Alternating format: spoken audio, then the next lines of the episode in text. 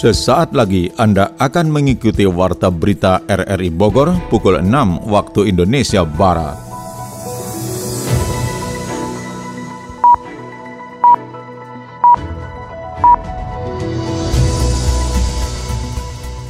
Selamat pagi, Saudara, Warta Berita Akhir Pekan RRI Bogor kami isi dengan rangkuman berita sepekan Minggu 12 September 2021. Siaran ini juga dapat Anda dengarkan melalui audio streaming RRI Play dan juga bisa Anda dengarkan kembali melalui podcast kami di Spotify, Anchor, Podtail, dan Google Podcast. Rangkuman berita sepekan RRI Bogor ini juga turut disiarkan Radio Tegar Beriman, Kabupaten Bogor. Bersama saya Muhalis Abdillah, inilah rangkuman berita sepekan selengkapnya.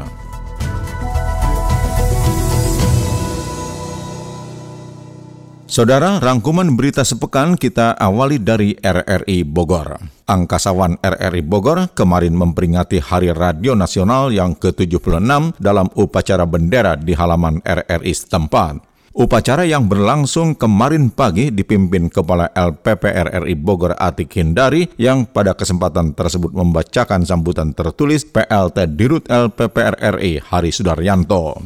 Hari mengatakan tema peringatan ke-76 RRI kali ini tangguh tumbuh sehat dan kuat suarakan Indonesia.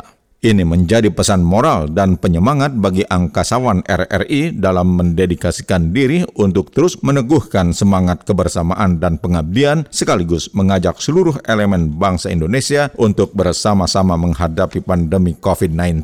Semangat tersebut tuturnya kita maknai dan refleksikan dalam memberikan pelayanan informasi dan hiburan yang sehat kepada masyarakat serta meningkatkan peran RRI sebagai media diplomasi bangsa melalui berbagai program siaran yang kreatif dan inovatif serta memberikan nilai manfaat bagi bangsa dan negara. PLT Dirut LPP RRI Hari Sudaryanto dalam sambutan tertulis yang dibacakan Kepala LPP RRI Bogor Atik Hindari mengatakan sejalan dengan visi dan misi RRI terwujud terwujudnya RRI sebagai lembaga penyiaran publik yang terpercaya dan mendunia, Dewas dan direksi telah berupaya meningkatkan performa dan reputasi RRI demi meningkatkan kepercayaan publik baik dari sisi program siaran, infrastruktur maupun tata kelola lembaga. Tahun ini selain mampu mempertahankan opini WTP yang ketiga kalinya, RRI juga mampu menunjukkan reputasinya baik di tingkat internasional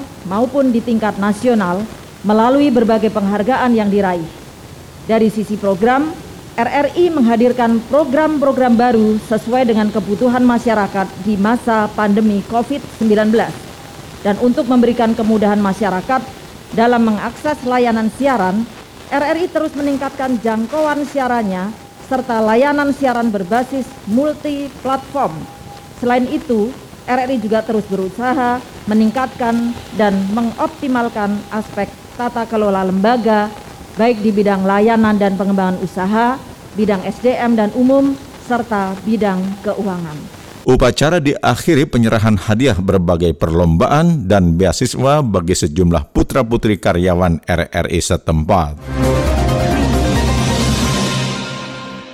Masih dalam rangkaian kegiatan Hari Radio, Angkasawan RRI Bogor sebelumnya membagikan 150 box makanan dan santunan kepada anak yatim piatu serta pemulung. Sony Agung Saputra menurunkan catatannya. Angkasawan RRI Bogor bersama pendengar dan pensiunan RRI menggelar RRI Bogor Peduli Jumat Barokah. Dalam agenda itu RRI Bogor membagikan sedikitnya 150 box nasi untuk yatim piatu, kaum duafa dan pemulung di kawasan kota dan Kabupaten Bogor. Salah seorang pengurus pondok yatim piatu Al Taqiyah Abdullah mengatakan selama pandemi ini pihaknya tetap menyalurkan bantuan kepada 54 anak yatim piatu untuk biaya sekolah dan keperluan lainnya lainnya, sehingga bantuan makanan siap saji dan santunan uang dari Kepala RRI dan Angkasawan bersama pendengar dan pensiunan RRI sangat membantu untuk bisa meringankan beban anak yatim piatu. Saya Abdullah Inang, di sini saya tugas sebagai admin aja, admin administrasi ya dan dibantukan mungkin untuk mengkoordinir anak-anak baik itu yang hinap maupun yang di luar panti gitu. Semua jumlahnya 54, yang tinggal di sini 10 persennya, yang 90 persen di luar panti. Emang pada saat pandemi itu mereka dipulangkan dulu ke pihak keluarganya karena tidak boleh berkerumun, tapi setiap bulannya kita mengeluarkan apa yang dia diperlukan gitu, seperti SPP-nya, biaya-biaya sekolah dan sembako dan lauk pauknya gitu. Atikia ini sebelum jadi yayasan panti asuhan ini kan dari pesantrenan dulu ya tahun 55. Lalu setelah Mama Ajengan meninggal tahun 68 berubahlah menjadikan panti asuhan yatim piatu al Atikia. Kalau harapan saya semoga untuk RRI bisa langgang berinovasi dengan apa yang kemajuan zaman ini. RRI Bogor peduli Jumat Barokah juga memberikan bantuan kepada pemulung yang beraktivitas di jalan raya. Salah seorang pemulung Sutoyo mengaku mempunyai keterbatasan dalam penglihatan sehingga terpaksa menjadi pemulung sejak tahun 2014. Dalam masa pandemik, COVID-19 ini semakin menambah kesulitannya karena anaknya terkena PHK imbas krisis ekonomi. Dalam kesempatan itu, Sutoyo mengaku sering mendengarkan program RRI Pro 1 dan Pro 2, terutama segmen berita, informasi, dan budaya yang berguna untuk sumber pengetahuannya. Pak Sutoyo, saya lahir 63. Cuman saya punya kelainan dari lahir itu sakit mata. Dah. Jadi mata saya yang sebelah ini buta. Karena mata cuma satu ya cepat rusak gitu. Ini sekarang udah parah sekali, udah operasi dua kali tapi nggak bisa di nggak bisa melihat kalau dulu pernah kerja di bagian taman taman tapi kerja kontrak di PLN karena mata udah lemah ya. Tapi saya nggak dipecat enggak tapi mengundurkan diri gitu. Karena merasa nggak mampu uh, uh, matanya nggak mampu jadi hasilnya jelek gitu. Terus udah mulung aja gitu. Ke jalan aja nyari-nyari aqua gitu. Kalau mulung dari 2014 keluarga ada tapi kena korban PHK juga ini semua. Karena corona ini tiga-tiganya. Ya RRI Pro 2 sering. Jadi program-program ya corona ini aja ya masalah corona. Pro 2 kalau sore ya sore masalah itu berita-berita baru gitu. Terus selingan lagu-lagu gitu kan. Iya. Ya biar ini ya biar lebih maju ke depannya gitu biar banyak pendengar lah gitu ya gitu aja.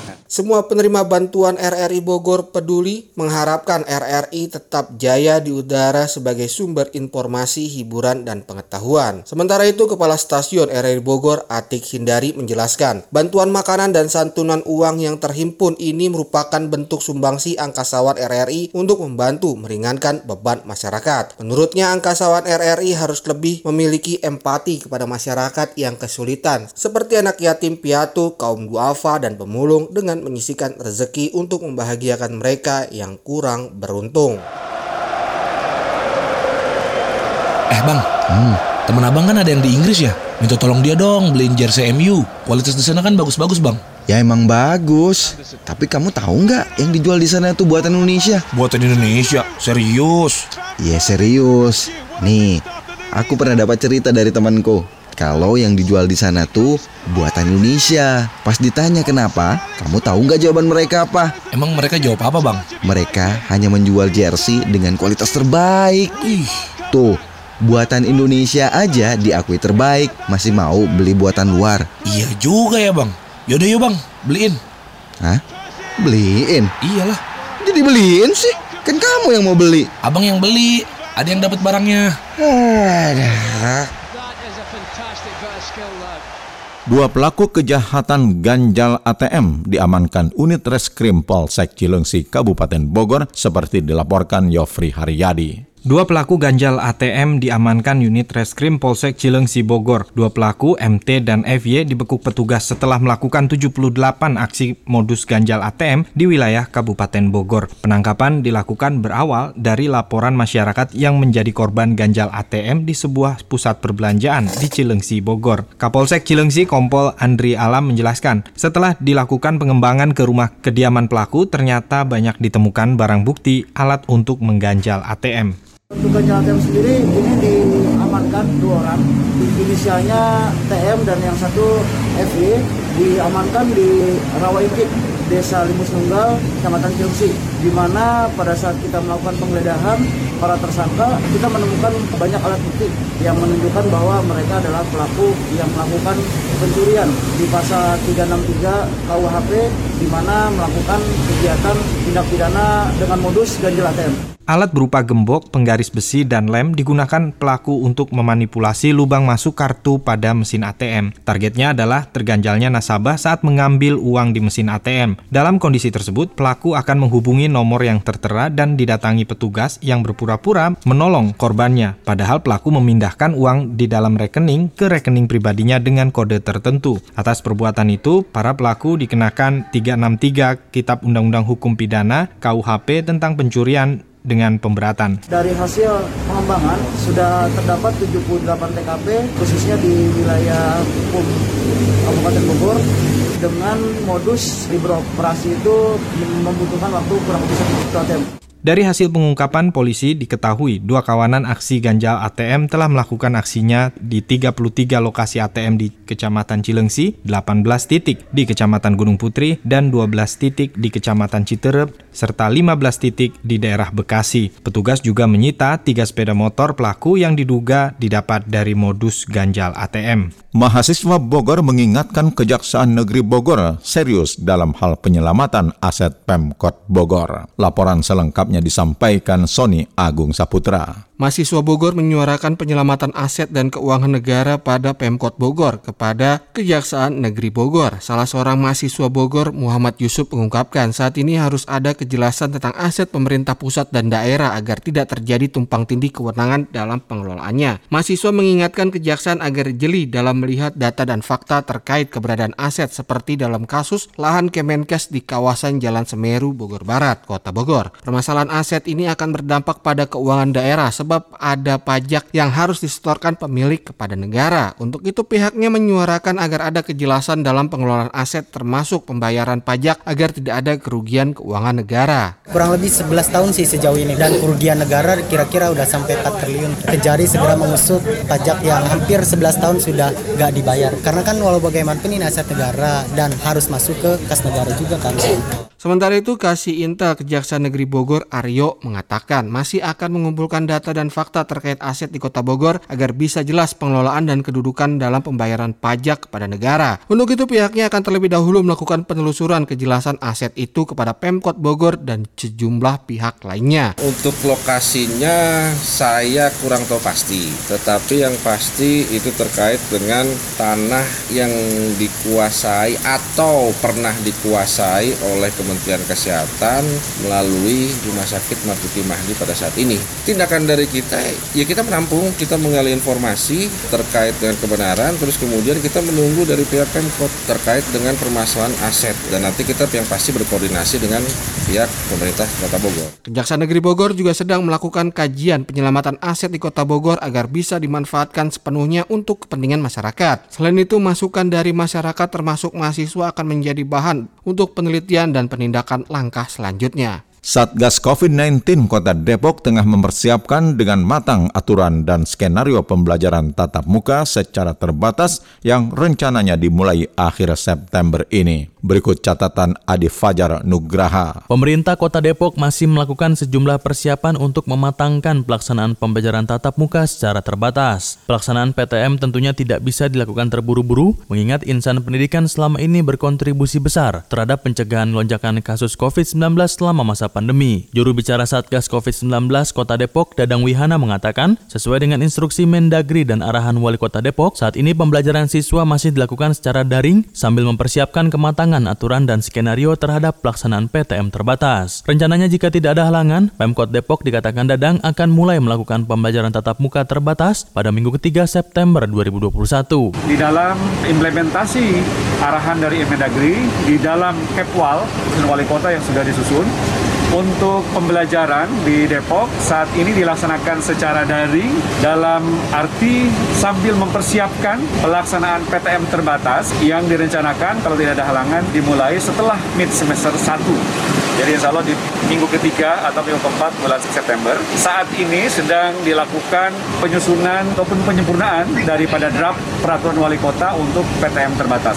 Karena memang ada beberapa yang sedang kami diskusikan, misalnya apakah seluruh siswa itu harus tervaksin atau belum, karena untuk usia SD kan di bawah 12 tahun ke bawah. Pemkot Depok melalui Dinas Pendidikan terus mempercepat pemberian vaksin COVID-19 kepada para pelajar dengan program Gebiar Vaksinasi Pelajar. Pemkot menargetkan sebanyak 58.900 pelajar SMP mendapatkan suntikan vaksin COVID-19 untuk mendukung pelaksanaan PTM terbatas. Saudara Anda tengah mendengarkan rangkuman berita sepekan dari Radio Republik Indonesia Bogor.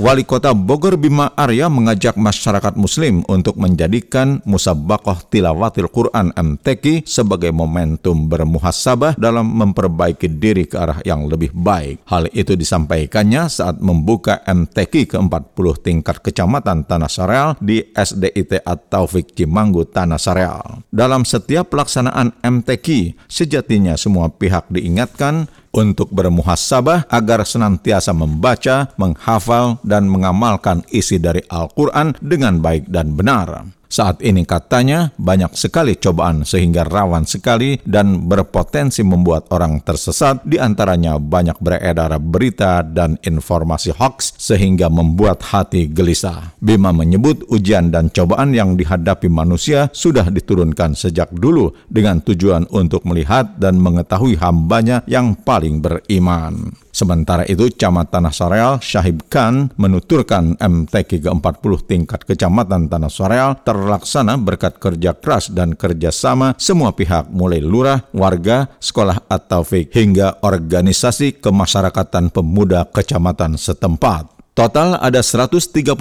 peserta yang berasal dari 11 kelurahan yang mengikuti tiga cabang, yakni Muratal atau Tartil Quran, Tilawah, dan Qiraat. Pemenang dari masing-masing cabang akan mengikuti MTQ ke tingkat Kota Bogor.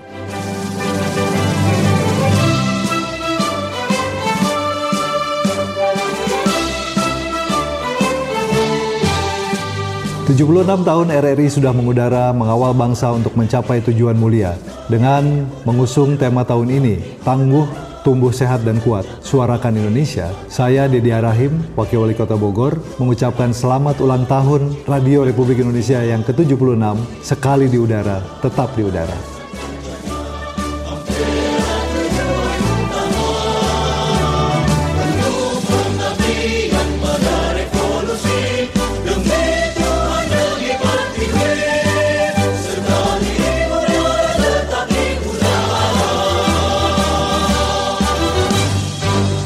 5 Polres wilayah Puncak Raya sepakat melakukan ganjil genap kendaraan bermotor di 14 titik. Kita simak catatan Sony Agung Saputra. Lima wilayah Polres di wilayah Puncak Raya meliputi kota Kabupaten Bogor, kota Kabupaten Sukabumi, dan Kabupaten Cianjur sepakat melakukan penerapan program ganjil genap kendaraan bermotor. Penerapan itu berlaku Jumat, Sabtu, dan Minggu. Kapolresta Bogor Kota Kombes Pol Susatyo Purnomo Condro mengungkapkan dari hasil evaluasi bersama dari semua wilayah di kawasan Puncak Raya, maka untuk arus kendaraan dari tol Jagorawi yang keluar pintu tol Gadok bisa diminimalisir. Namun untuk arus kendaraan dari ruas arteri kawasan perbatasan dengan Kabupaten Bogor dan Kabupaten Cianjur termasuk Kota Bogor masih harus dioptimalkan. Sehingga kelima wilayah Polres di kawasan Puncak Raya akan melakukan program ganjil genap dengan ada 14 titik di semua area sehingga kami melihat kemarin bahwa kendaraan yang melalui tol itu relatif bisa dikendalikan pada simpang gadok. Tetapi kendaraan yang non tol apakah itu roda dua, apakah roda empat, ya, itu memang melewati wilayah-wilayah baik itu kota Bogor, Cianjur dan sebagainya. Sehingga hari ini kami sudah memutuskan akan ada 14 titik, ya, 14 titik untuk mendukung pelaksanaan pengurangan mobilitas di kawasan puncak, puncak raya, baik itu di Cianjur, di Sukabumi Kota, Sukabumi Kabupaten dan Bogor Kota. Dan dilakukan 24 jam. Wakapolda Jabar Brigjen Pol Dr. Andas Edi Sumitro Tambunan menjelaskan, program ganjil genap ini bertujuan untuk mengurangi kepadatan arus kawasan puncak berkurang hingga 50%. Petugas akan melakukan cara bertindak sesuai kondisi lapangan bahkan dengan menutup arus jika terdapat peningkatan. Kita kan sekarang kemarin udah uji coba, ternyata masih padat. Makanya kita rapat hari ini, kita uji coba lagi CB-CB kita, nah, nanti mana yang efektif nih. Ya, soalnya kan kita sekarang Covid harus turun, tapi ekonomi harus meningkat. Jadi kita sinergi sama-sama. Ganjil genap tersebut akan menjadi salah satu cara penanganan COVID-19 agar PPKM level 3 bisa menurun dan tidak terjadi lonjakan yang menyebabkan kembali masuk ke level 4. Polisian juga akan melakukan evaluasi uji coba gage di kawasan puncak raya sehingga masyarakat bisa terlindungi dari paparan COVID-19. Sebanyak 22 kepala keluarga korban banjir Kali Cidurian di Kampung Parung Sapi, Desa Kalongsawah, Kecamatan Jasinga, Kabupaten Bogor akan direlokasi. Catatan selengkapnya disampaikan Yofri Haryadi. 22 kepala keluarga korban banjir luapan Kali Cidurian di Kampung Parung Sapi, Desa Kalong Sawah, Kecamatan Jasinga, Kabupaten Bogor akan direlokasi. Upaya relokasi itu pun terkendala lantaran sebagian warga menolaknya karena sudah nyaman dengan halaman dan bangunan rumah yang lebih besar. Tidak hanya itu, beberapa warga di lokasi itu pun menempati zona bantaran kali yang mengering saat surut, namun mengancam warganya jika terjadi luapan air bah. Dijelaskan Kepala Desa Kalong Sawah, Jasinga, Bogor, Nur Hasanah, selain 12 rumah warga rusak, satu jembatan bambu penghubung antar kampung terputus, sebuah tiang listrik terbawa hanyut. Hingga selasa siang, sebagian listrik rumah warga kampung Parung Sapi padam. Ini mungkin yang di sebelah saya ini satu, ya Pak, yang di sini satu ya Pak. Kemudian ini memang jumlah kakaknya itu 22 kepala keluarga. Di sini jalan alternatif, kampung Parung Sapi tahun, tetap harus relokasi. Ada rencana tetapi masyarakatnya tidak mau. Yang di sini 22 kepala keluarga.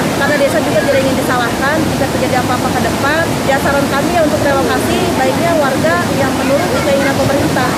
Selain jembatan dan rumah warga yang terendam akibat luapan Kali Cidurian, pondok pesantren Darussalam di kampung itu pun terendam dan sudah kedua kalinya pada peristiwa serupa 2020 lalu. Sementara itu, Mumu, warga kampung Parung Sapi bersedia untuk direlokasi. Jalan kaki ya, gimana lagi Pak? Bantu ya? Nggak ada. Nggak ada. Sekitar kurang lebih 2 kilo lah. Masyarakat kalau bisa secepatnya dibangunkan jembatan sementara itu aja dulu sama penerangan listrik. Kan sementara ini kan total. Tidak hanya rumah terendam dan harta benda terbawa hanyut akibat banjir, kebun muksin seluas 7.000 meter persegi pun rusak, padahal tidak lama lagi sudah dipanen. Oh, itu cuma pada rubuh. Kalau kata baca, kita kurang tahu. Kebun saya aja 1.500 meter itu sudah rusak demi mencari kebutuhan, untuk gas, air. Kan kabelnya terputus. Luapan Kali Cidurian yang bermuara ke wilayah Lebak, Banten, dan Cisadane masuk dalam zona merah rawan bencana alam. Berubahnya fungsi resapan di daerah hulu akibat perambahan hutan untuk perkebunan dan permukiman seiring bertambahnya penduduk di wilayah itu. DPRD Kabupaten Bogor menyoroti soal ketimpangan stok vaksin dengan tingginya animo masyarakat yang menyebabkan ketertinggalan capaian vaksinasi COVID-19. Berikut catatan Adi Fajar Nugraha. Target sasaran 4,2 juta masyarakat divaksin COVID-19 terus dikejar oleh pemerintah Kabupaten Bogor. Namun isu soal minimnya stok vaksin masih terjadi yang mengakibatkan melambatnya capaian vaksinasi COVID-19.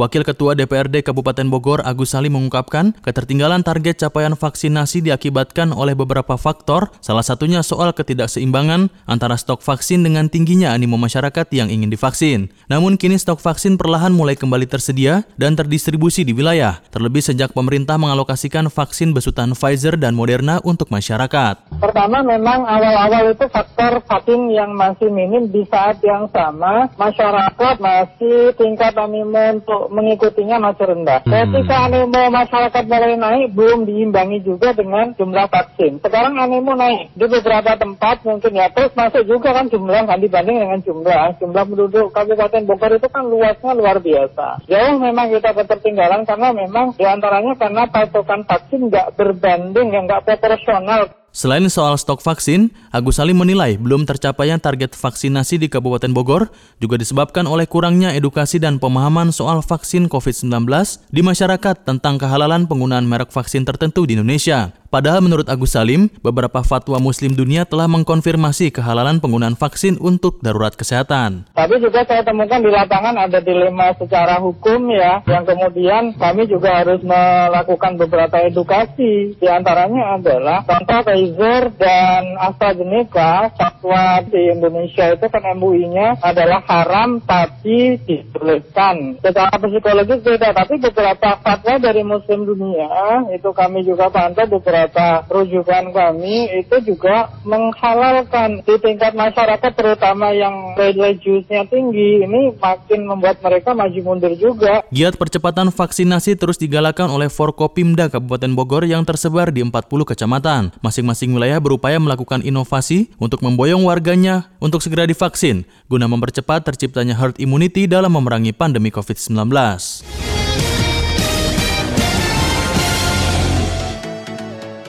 Menghadapi babak kualifikasi Porprov 14 Jawa Barat 2021, Federasi Olahraga Karate Do Indonesia Forki Kota Bogor menyiapkan belasan atletnya. Catatan olahraga tersebut selengkapnya disampaikan R. Melinda.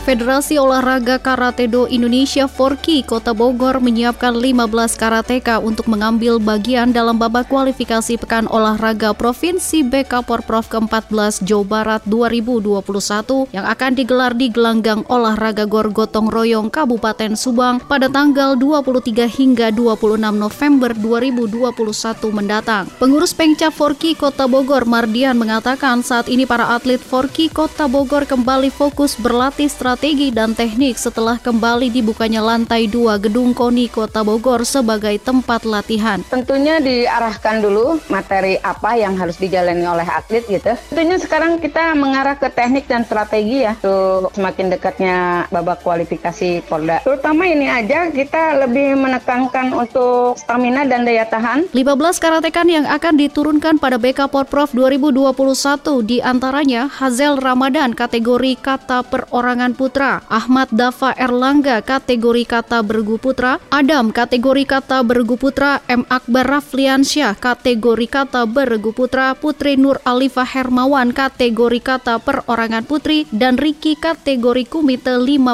kg putra, Reki Samudra kategori komite 60 kg putra, Berlit Devonde kategori komite 67 kg putra. Selain fokus latihan, Pengca Forki juga akan melakukan try-in ataupun try-out terhadap semua atlet yang mana tujuannya untuk melihat perkembangan dari masing-masing atlet sehingga kalaupun ada kekurangan atlet dari hasil try-in dan try-out tim pelatih hanya akan mengevaluasi kelemahan atlet di sisa waktu sebelum pelaksanaan BK Porprov 2021 digelar.